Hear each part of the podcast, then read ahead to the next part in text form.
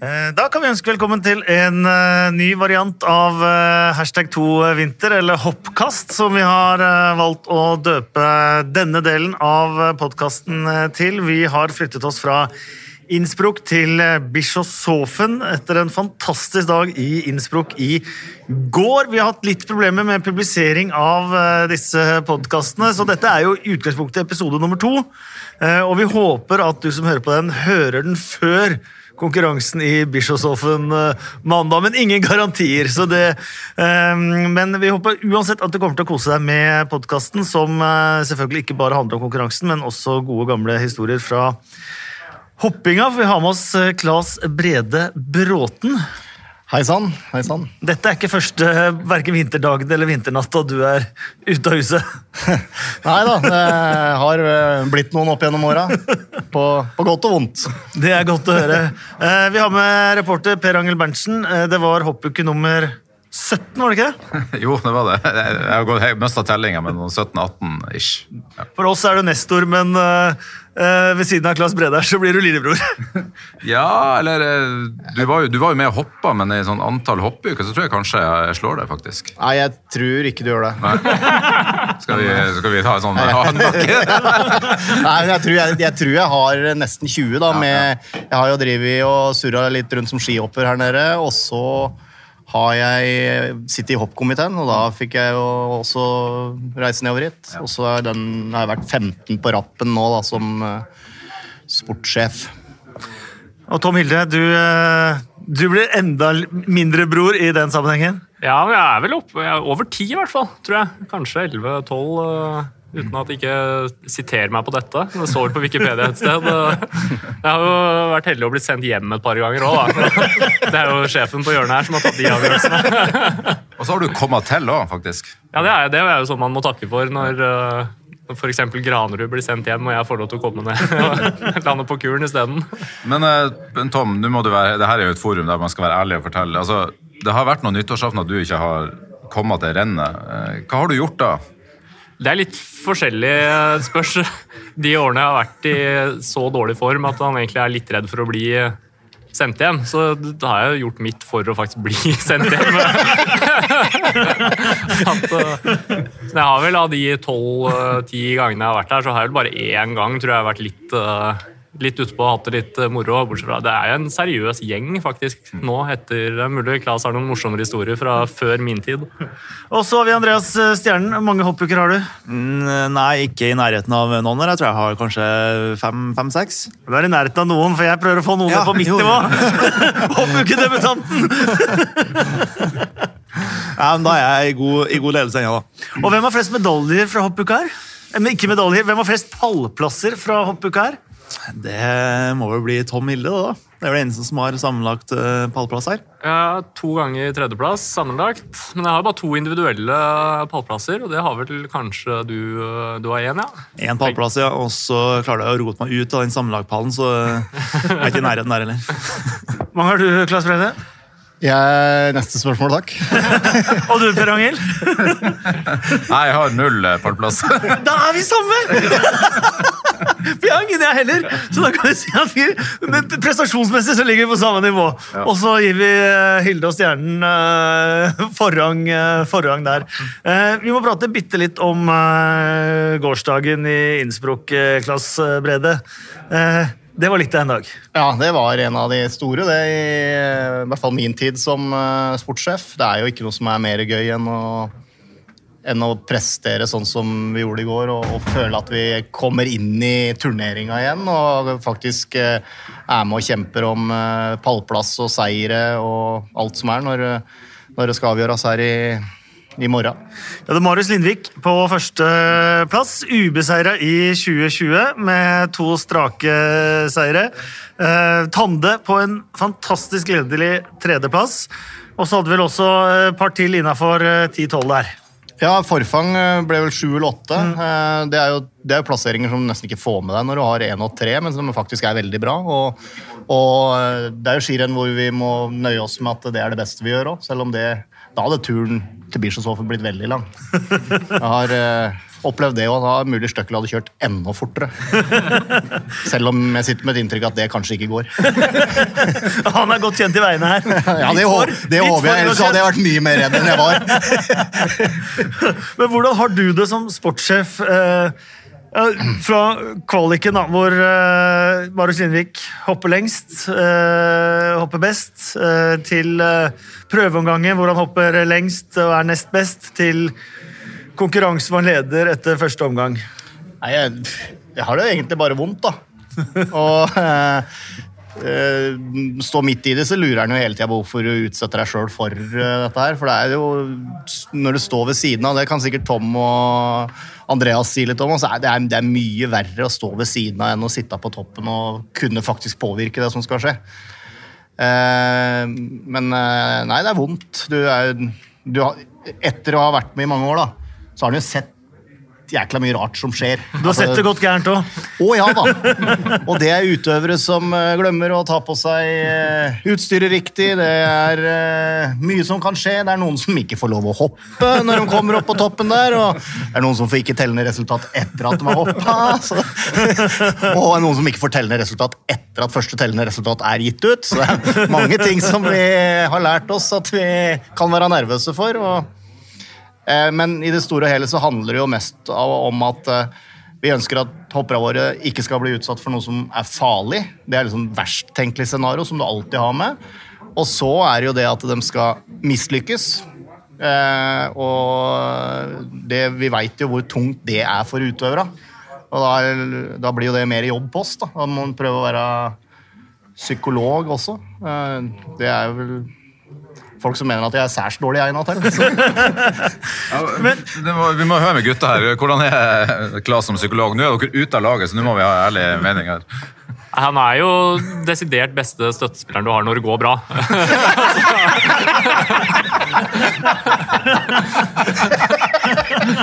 Men han, han prøver jo også veldig hardt når det går dårlig. Så han får det jo til, men det kan jo hende profesjonelle mennesker kanskje hadde gjort uh, det, er, det er vel ikke der du er utdanna, selv om du gjør jo ærlige og redelige forsøk veldig ofte. Det kan være at profesjonelle mennesker hadde hatt noe å sette fingeren på. Men eh, du var inne på det så vidt. Eh, forskjellen på å, å stå på sidelinja og, og det å konkurrere, konkurrere selv. Andreas, du, var, eh, du er en helt ny rolle her i denne, denne hoppuka.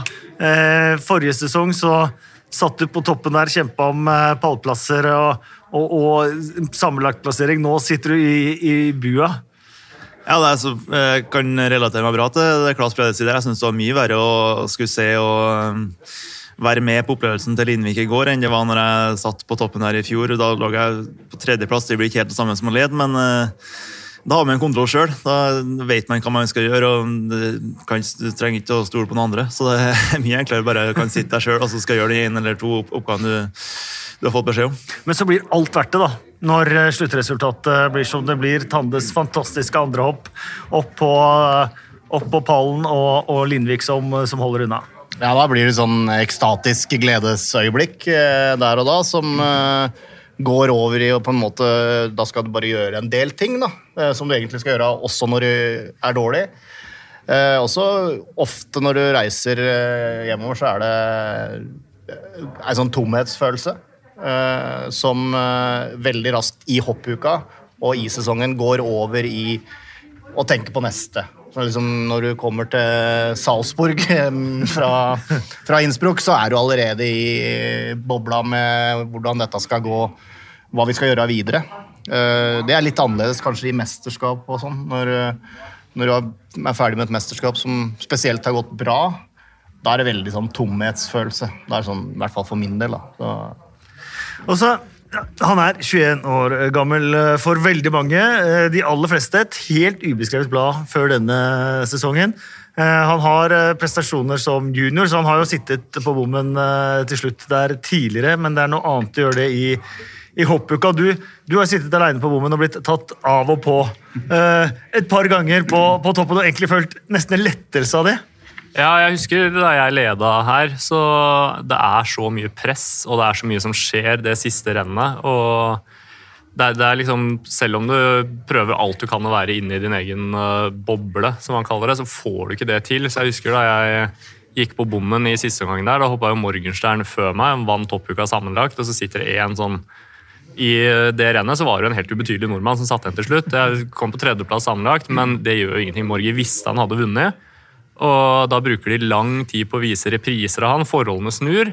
Og jeg går på bommen og får jo ikke klarsignal fordi det er så dårlige forhold. Når jeg da blir tatt av, så tenkte jeg vet du hva, det, det var digg, for jeg var ikke klar. Jeg hadde ikke Takk til juryen! ja. Takk til juryen, og så skjer det samme på nytt, og jeg tenker vet du hva, det var digg. Og så, og så fikk jeg en litt god pause der og fikk summa meg litt, og, og, fikk faktisk gjort meg klar. da, Så jeg var forberedt etter tredje, tredje gangen jeg kom på bommen, så følte jeg meg klar. Men overrennet der er så langt at eh, du fikk tenkt litt på andre ting enn bare arbeidsoppgaver på vei nedover og der også. Ja, det gjør man eh, i Bischofshofen, for det tar så lang tid, og det er en uvant rytme. Normalt så har du ting, altså tekniske ting å tenke på hele veien, mens i Bischofshofen setter du deg i sittestilling, og så har du vel en fem sekunder der det ikke skjer noen verdens ting. Og da flyr jo tankene. Og jeg husker jeg tenkte at eh, Jeg husker ikke hva jeg tenkte på nedover der. Men tankene gikk noe voldsomt, og så når jeg begynte å nærme meg da overgangsbuen, så sa jeg liksom til meg selv at hvis ikke du tar sjansen, Otto, da er du dum. så, så det gikk jo bra. Men det, var- det hoppet til Tom, det blir aldri glemt.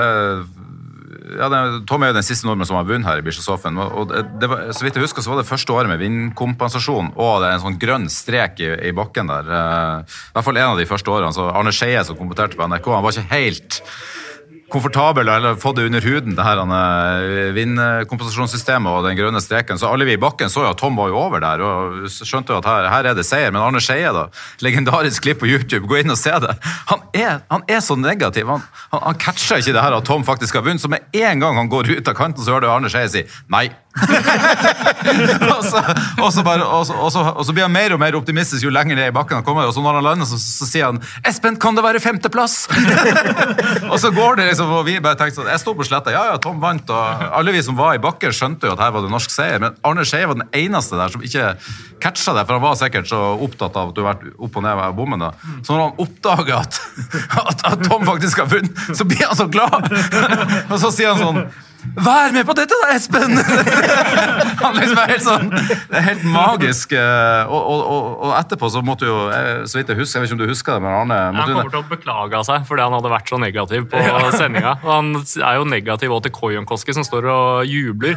Ja, der jubler Kojonkoski, liksom. Det var jo veldig synd at resultatet skulle bli sånn. Skjønner ikke helt hva han er så glad for. Men det er det som er med Arnt Skeie. En fantastisk mann, en fantastisk hoppkommentator som lever i det med hele seg. Og da, det er da man havner opp i de, de situasjonene, for det betyr så enormt mye for han. Altså, hvis noen misforstår det, Jeg elsker Arne Skeie. Han er en meget god mann og en eh, god venn av meg. Og, men det, var, det, var så, det er så fantastisk å se, at, eh, for det var så mye følelser der. Og, og da Tom vant den kvelden, det, det er en av de morsomste kveldene jeg har hatt på jobb her. Fram til egentlig Innsbruck. eh, Da vi, altså, jeg har sett så sykt mange dårlige hopprenn, særlig med norske øyne, som reporter. Og du tenker sånn Ja, ja, sjuendeplass, hva skal du lage sak på i dag? og du, du går langt ned i den sekken du har med deg for å finne ei vinkling som du skal selge inn til desken. Men uh, i går så var det bare sånn at vi måtte bare vi hadde så mye bra, eh, og det var så mye kult som skjedde. Dramaturgien Det var jo et ekstremt spennende hopprenn, også sett med internasjonale øyne. Det, var, det skjedde mye, og det, det dramaet som var i Bergiserblokken da Lindvik vant, det det, det er sjelden kost, faktisk. Det var et meget eh, spennende hopprenn. Ja, for det er jo sånn, jeg hadde jo Som kommentator så forbereder man seg på scenarioer. Så jeg hadde jo forberedt meg på et scenario hvor uh, Lindvik uh, skulle vinne, Uh, og hadde skrevet stikkord, sette det inn i en historisk kontekst. alt. Borte var det. Borte, alt sammen! Og så ble det bare vrøvl. egentlig, Og det, og det er helt greit, det òg, tenker jeg. For du hadde, du hadde Lille Lien med sånn You guys took a hell of a Du hadde liksom Nei, ikke helt der, men i hvert fall en historisk kontekst med tidligere norske vinnere, og, og hva dette betyr, og hvilke, hvilke navn han egentlig trår opp sammen med. da. Eh, litt sånne ting. Men, eh, og jeg irriterte meg egentlig over det hele går kveld, men, men sånn blir det jo når, eh, når, når det blir stort nok. da. Eh, hvor alt bare, alle papirer og alt bare flyr til værs. Det var bra kok i bua i går, Andreas. Ja, det var, det var en spesiell erfaring å få oppleve det der. Altså. Det var, var jævlig morsomt. Og da er altså eh, situasjonen den før, eh, før det siste rennet i Bischofshofen at eh, David Kubacki eh, leder foran Marius Lindvik med 9,1 poeng. Geiger er 13,3 bak, Kobayashi 13,7 bak, så de er jo ikke ute. Der kommer eh, spranget til Stefan Kraft da, på 32 poeng. Der får hun si at eh, han er ute av det. Men hvordan ser du på, på det før det siste rennet? Nei, det, det har jo skjedd mye i hoppuka i år, eh, med endring av ledere og store forskjeller.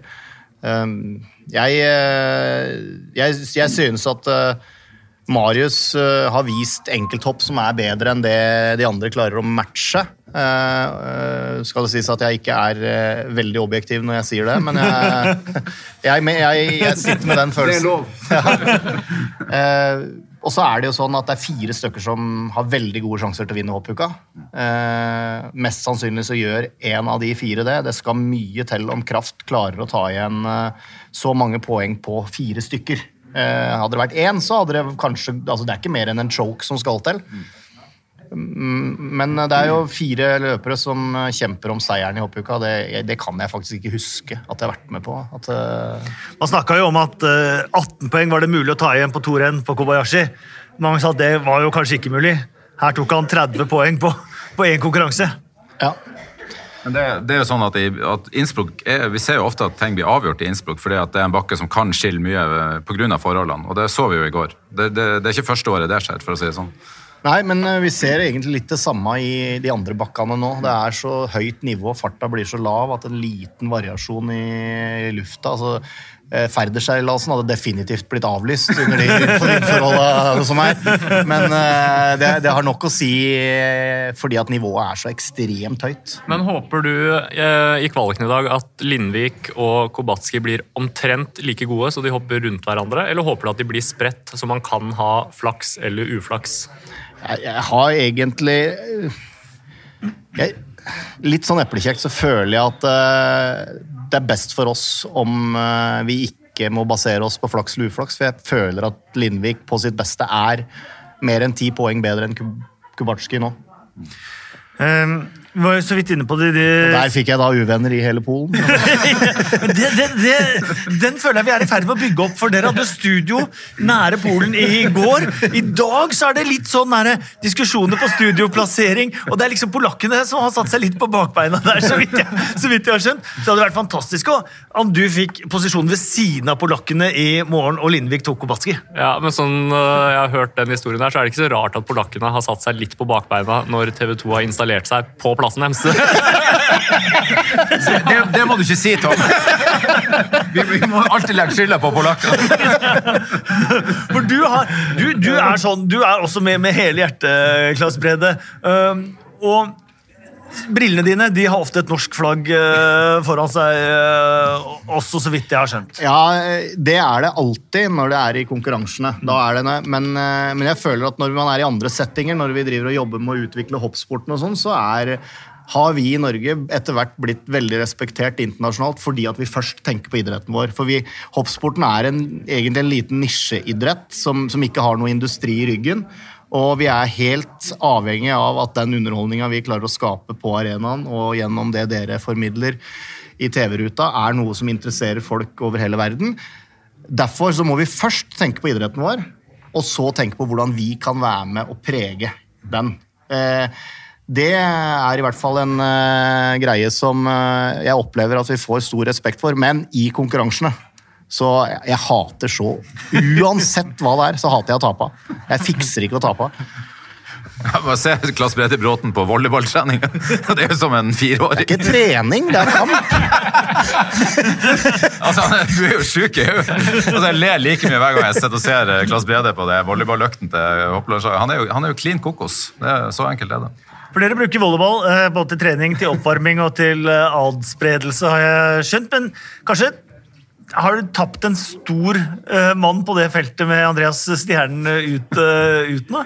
Ja, vi har, uh, vi har mista en med spisskompetanse. Eh, og Han han var og på han var på eldstelaget. Eh, og, men, men det skal sies at de i, på yngstelaget, da det er, det, er så, det er ganske middelmådig, altså. Vi, eh, Men de er jo bitte små. Hæ? Bittersmå? Ja, ja. ja. Men de har litt, burde ha litt spenst. eh, og, men, men, de taper hele tida mot, eh, mot oss. Var det volleyball da du var aktiv òg, eller er det det var mye fotball, eh, litt volleyball. Eh, kan, kan, aldri huske at jeg tapte mot trenerne mine i noen ting. Aldri! Og det hadde ikke Men du hadde jo Ludvig Seitz som trener, han var jo 50, 60 år gammel. Jeg var ikke det da. du var, har vært 20 ganger du har vært der som utøver, du har vært der som sportssjef. Hvis du tenker på de, de, største forandringene fra du kom hit eh, de første par gangene til, eh, til nå, Klass eh, Brede?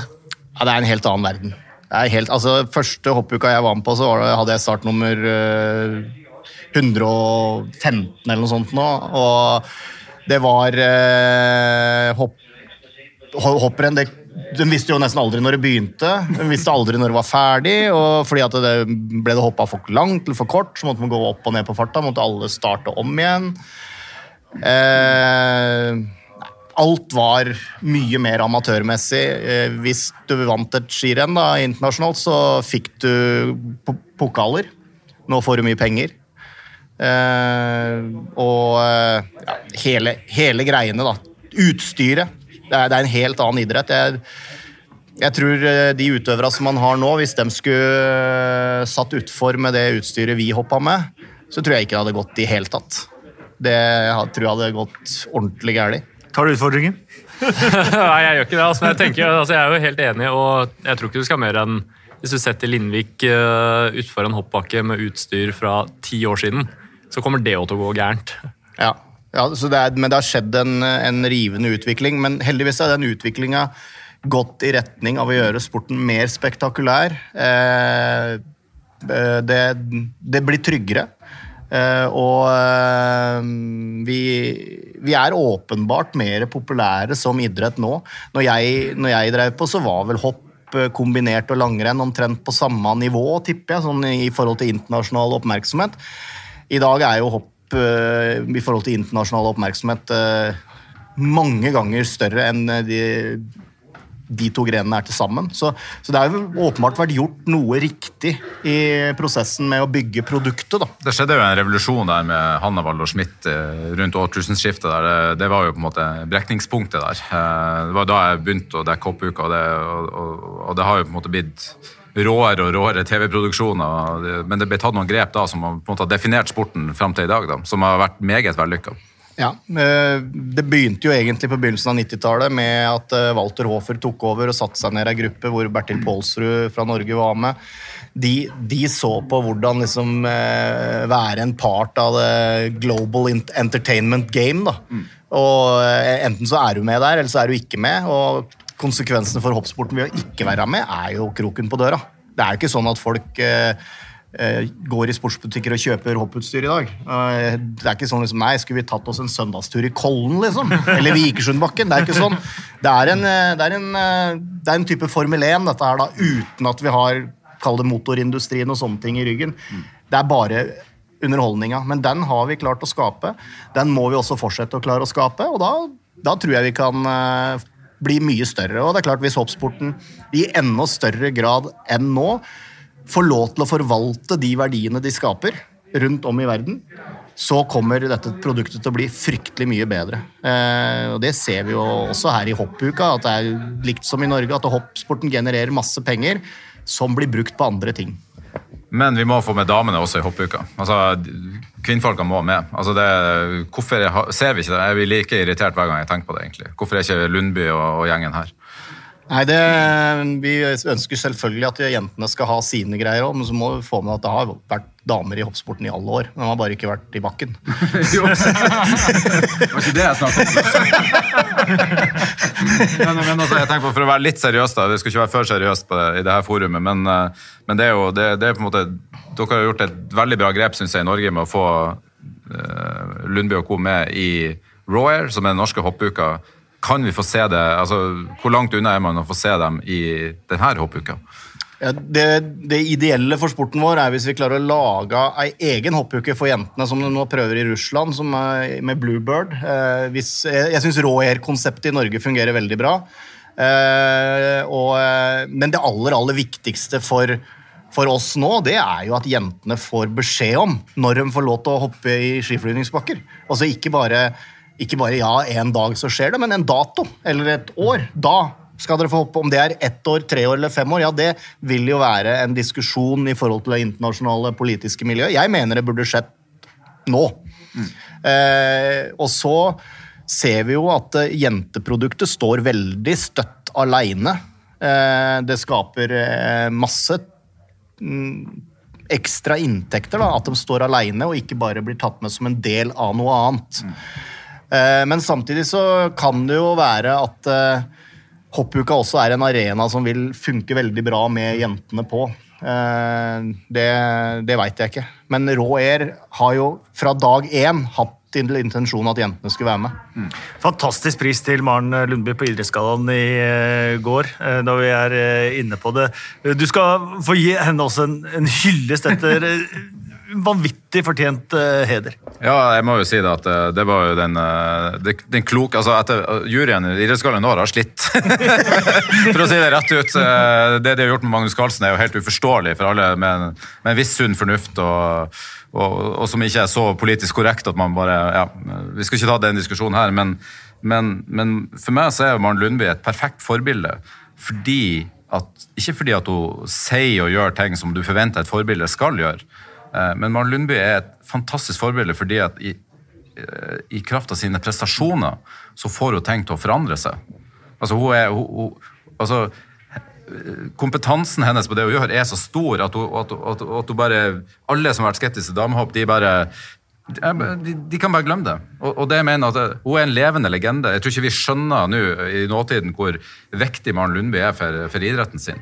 Og, og i tillegg at hun er en fantastisk eh, person og en hyggelig jente, så, så syns jeg at det, det var så utrolig bra. Og, og det er den mest fortjente prisen jeg kan huske noen gang på Idrettsgallaen. Ja, nei, det, det er selvfølgelig veldig veldig hyggelig å høre eh, at andre også ser det sånn. Eh, eh, Maren, er, Maren er veldig spesiell. Eh, hun, er, hun er på en måte Nå sitter jo andre utøvere her, men jeg, jeg, jeg har aldri fått eh, jobbe nært på en utøver som har hele pakka. Det har alltid vært et eller annet surr med dem. Mye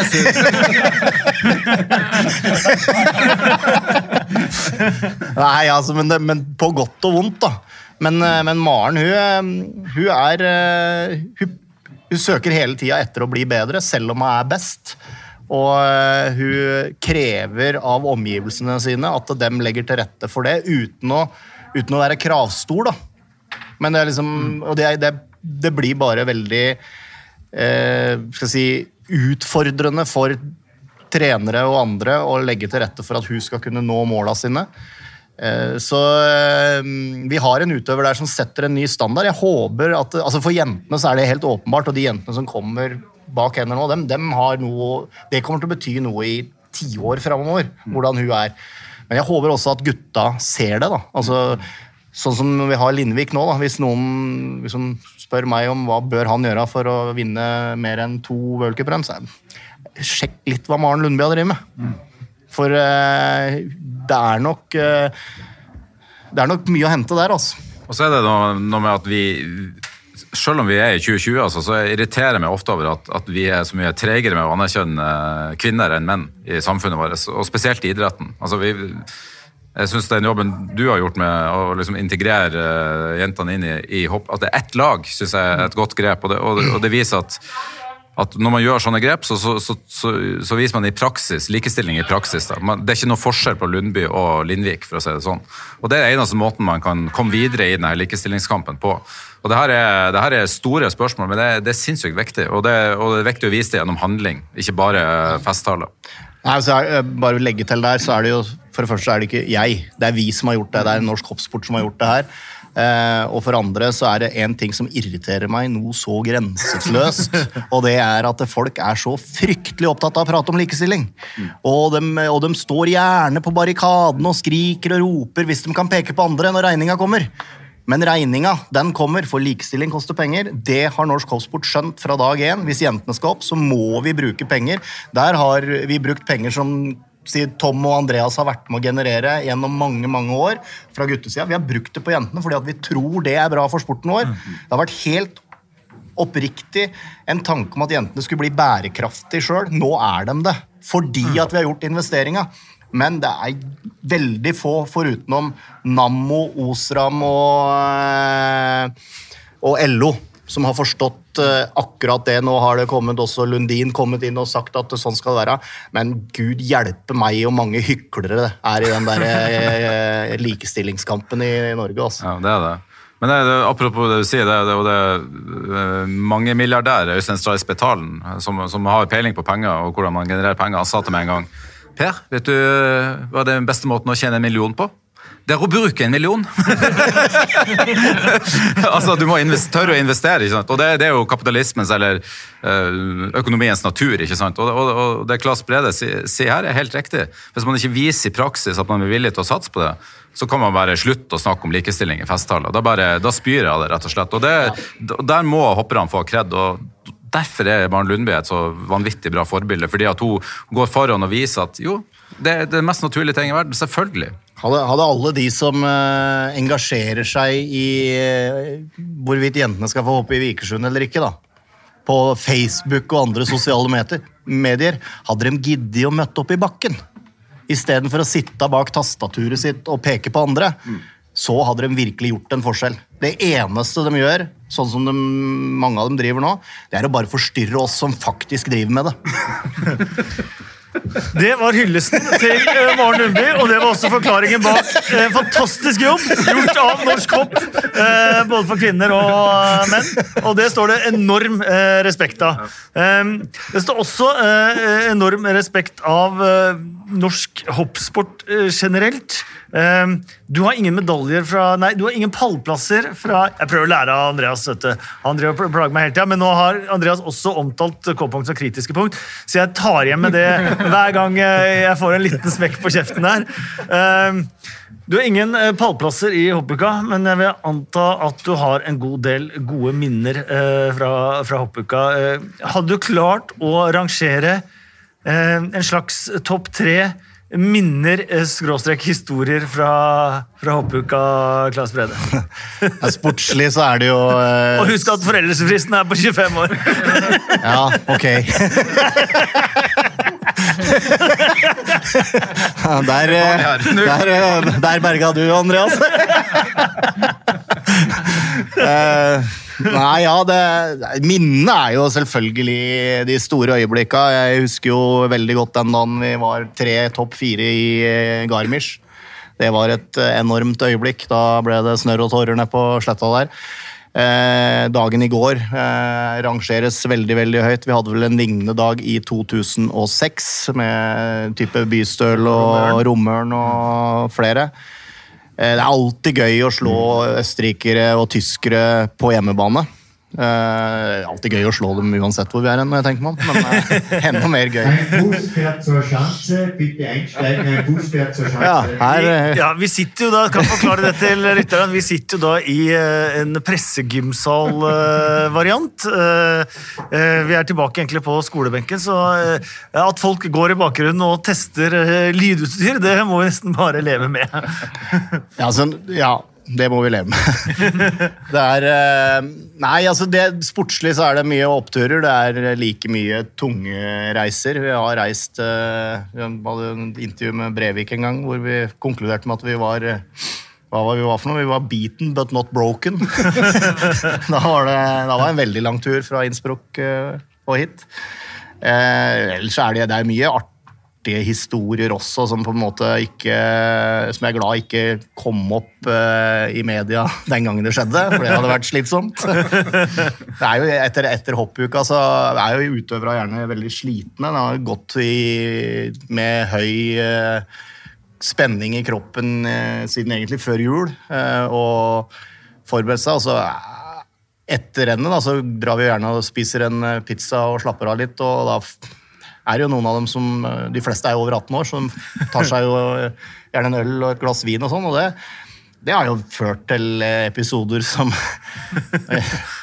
Det er jo litt interessant når folk fra mediet må, må gå over folk som ikke kom seg helt inn på rommet. Det er jo Ja, det er, det er mest Folk blir helt utmatta, og da er det lite som skal til. Det, det hender at eh, noen, eh, noen, noen blir eh, litt mer utmatta enn vi setter pris på. Men jeg husker jeg straffe Tom Hilde den ene kvelden han ikke kom til rennet i første nyttårsdag på nattklubben Peaches i Garmisch. eh, det var, det, det var, du var godt i farta der, men, men jeg, da tenker jeg at ok, så lenge jeg som journalist er der og har noe hyggelig i glasset sjøl, så er det greit. Da er, vi, da, da er det fri, da skriver man ikke noe sånt. og og Utøverne må jo få lov til å avreagere litt. Tom. Altså, Ja, du spanderte vel bra den Jeg er veldig raus når jeg De få gangene jeg er ute, så jeg er veldig raus. Det gikk vel en gin tonic i de retning, så jeg ikke husker. Men det, det, har du, det har du fortjent. Ja, nei, det er for at man skal kunne ha et veldig tett For det, Hopp er jo veldig åpne mot media. Inviterer de på alt. og Vi er ikke redd for at det blir skrevet om ting. Og vi er heller ikke redd for at det blir skrevet om ting hvis vi driter oss ut. Men jeg ser ikke på det å ta seg en øl til pizzaen siste dagen i hoppuka. Det er jo ikke å drite seg ut. Men hvis man skriver om det, så blir det stor ståhei. Altså det, vi var jo i badstua i Kusamo et år. Og fikk forsida på Dagbladet fordi du og jeg, Klas, lada opp med øl. Og, Nei, ja, eh, men eh, litt som eh, Per Aas sier, vi, vi har jo et nært og godt forhold til media. Vi skjønner at det er på en måte Vi lever av det dere klarer å levere, så vi trenger at dere er tett på.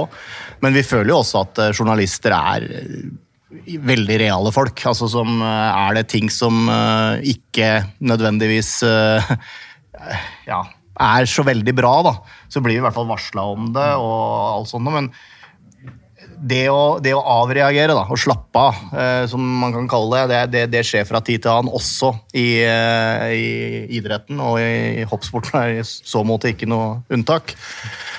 Snarere tvert imot. Regelen. men, eh, men det er jo eh, det er viktig at vi, at vi oppfører oss som folk, da. For det, det, er liksom, det er en ting som vi ikke har noe særlig toleranse for, og det er å oppføre seg som drittsekker. Nei, Jeg tenker, Du var jo, du var jo utenfor en episode du var aktiv, der du kjørte i fylla, rett og slett. Hva hadde skjedd om det hadde skjedd med noen av utøverne i dag? Altså, altså Kunne det ha skjedd, for det første? Eller, eller var det en annen tid den gangen? Det var ei helt annen tid. Eh, Jeg opplever at de fleste utøvere som jeg reiser rundt på nå, er ikke på langt nær så tjukke i huet som det jeg var den gangen. Eh, og jeg tror det var eh, noe som satt en støkk i idrettsledere over hele fjøla, som gjorde at det ble en bevissthet rundt det som ikke hadde vært før det skjedde. Så på mange måter så jeg har sagt det flere ganger, den, det som skjedde der, og, og hva det førte til av preventive ting for ettertida, det er noe som man på en måte kan være glad for. Jeg er jævla lei for det det gjorde med hoppmiljøet på kort sikt. Eh, Det, det foreldrene mine og familien min opplevde, det ja, Jeg skulle gitt alt jeg kunne for at jeg kunne snudd det tilbake, men konsekvensene i forhold til at det har hatt en preventiv virkning. Eh, all den lærdommen jeg sjøl fikk av det om mennesker etterpå. For det, du, du opplever jo da at eh, folk slutter å hilse på deg, eh, og så opplever du at folk bryr seg enda mer om deg. Det, det var en ganske viktig og interessant lærdom å få med seg eh, før pannelappene var ferdig utviklet, som jeg har lært mye om etter hvert.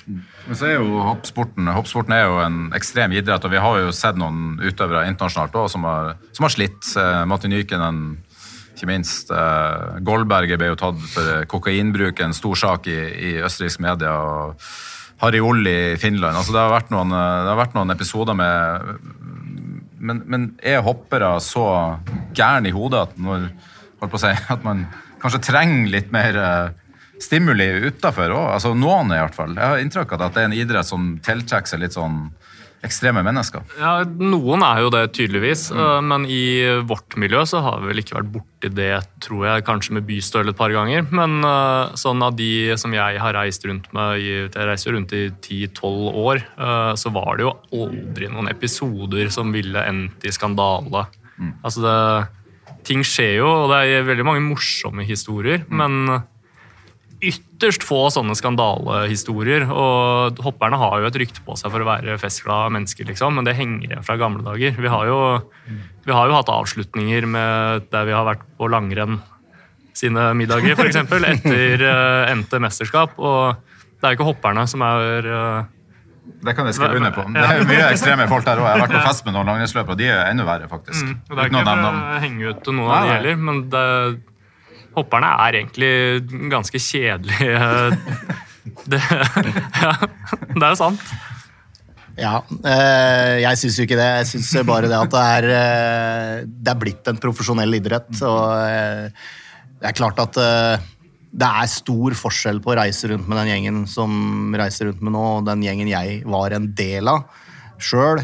For så vidt også den kulturen hadde vi jo med oss inn på 2000-tallet, og, og den ødela jo mye for mange. Og det er klart at det, man kan jo gjerne dra fram Lars Bystøl, og sånne ting, men, men Lars var bare et produkt av en kultur. Lars er verdens snilleste og beste fyr. Jeg tror ingen, ingen som kjenner Lars, eh, mener noe annet enn at han er bare snill og grei, og sånn, men eh, han havna i situasjoner som gjorde at han på en måte ble identifisert med noe som uh, dobbeltmoralen i Norge ikke tåler. da. Og eh, det, det syns jeg på en måte er litt trist, men eh, Lars sto jo relativt rakrygga i eh, krigen, han. Eh, og ja. Og sto for et av ja, et av no- eh, norsk idretts store store øyeblikk. Jeg skal huske at vi tok to gull i Torino. altså. Og at eh, Bystøl var det, var det ene, ene gullet. og Det var enorm, enormt for nasjonen, det. Men eh, du, Det er en fantastisk historie om Bystøl i Kusamo-klass. Den må du fortelle når han, eh, når han eh, kommer opp og ser hoppbakken og, og vinden som er der. Ja, Lars, det sier mye om Lars som person. ja, Lars eh, For først så var ikke Lars så veldig glad i å hoppe i vind sjøl. Men eh, han kommer til Kusamo og går rundt, og det blåser jo hatter og frakker der. ikke sant? Og så bare kikker han opp på flagget som står sånn pappskiver. Så. Jeg er glad jeg ikke er flaggstang i Kusamo. Det så, så ut som en tøff jobb. Men Men det setter jo ting i perspektiv. Altså, alt, Ja, ja, alt han har vært igjennom. Men altså, med flagg i Kusamo, det skal han i hvert fall ikke være. Men eh, Lars er jo Lars eh, setter veldig mange ting i perspektiv. Han, for når han vant OL-gull og det var mye ståhei, og sånn, så var det rett inn i TV-studio og OL-kveld og sånn fra Torino. Får spørsmål av jeg tror det var Espen Graff som leda sendinga. Ja, Lars, hva føler du nå? Jeg er sulten. Det er vel en følelse de fleste skihoppere har kjent på innimellom. Men det er rart at det er den mest nagende følelsen du har etter at du har vunnet OL-gull. Liksom. Veldig bra. Eh, Helt til slutt, eh, vinner Marius Lindvik eh? Ingenting. Jeg håper mer enn det. eh, Og jeg, eh, jeg Jeg mener han har en veldig veldig god mulighet, eh, som tre andre har. Eh, Han er definitivt den minst rutinerte av dem, men akkurat nå Den er han den beste hopperen. Andreas, vinner eh, Marius Lindvik eh, hoppuka? Der vil jeg, jeg vil si det er 50-50, altså. Det er, Hvor, hvorfor ikke si som Martin Nykin? I would say the chances are 50-60. ja, da vil jeg si 50-60 i, i favør Lindvik. Per, vinner Lindvik hoppuka? Eh, jeg er jo vanligvis en optimist, men det, da jinxer jeg alltid, så jeg sier nei. Da blir det tungt for deg ved siden av polakkene. Uh, Vinner, eh, vinner uh, han hoppuka? Jeg håper det. Jeg tror det, og håper det. Uh, Jeg er litt sånn som Per. Jeg er redd for å jinxe, men jeg håper det virkelig at han vinner hoppuka. Klaus Brede, det var utrolig hyggelig å ha deg her. Det var veldig veldig hyggelig å være her. Andreas, hyggelig å ha deg her òg. Vi, er så mye sammen nå at uh, Men jeg syns fortsatt det er hyggelig. Ja, absolutt. Det tenkte Tenk deg oss som har reist med i ti år, da. Dere sitter ikke på to kvadratmeter sammen stort sett hele dagen. Vi må, vi må jo avsløre her at uh, Andreas har jo fått ei bukse av TV 2 i størrelse medium. og etter å ha lagt opp som skihopper og er 1,89, er det det du er høy, så hva skjedde med buksa di? Nei, så buksa, den eh, Buksa er jo fin så lenge man ikke trekker opp genseren og ser at både glidelås og knapper er ikke, ikke forsøkt å ta igjen i det hele tatt. Per Angel, veldig hyggelig å ha deg her, og, og kanskje etter 17 år får du kanskje ditt største øyeblikk som hoppukreporter. Ja, det, vi har jo seieren til Anders Jacobsen i 2007. Da. Den, eh, den, eh, den, den feira vi her inne her vi sitter nå på pressesenteret med en slåsskamp med en sveitsisk journalist for å få hjem stoffet. Så jeg håper det går litt bedre hvis Lindvik skulle vinne. Og du har jo også egne prestasjoner eh, herfra. Eh, Kan en Lindvik-seier oppleves enda større? Nei, det tror jeg ikke. Godt svar. Men, men det vil bli det største på denne sida av bordet. Ja, det vil jeg, selvfølgelig. Veldig hyggelig av deg her, Tom. I like måte. Og veldig hyggelig at uh, du som hørte på, hørte helt uh, hit. Og så håper vi på masse norsk suksess i uh, Bischofshofen.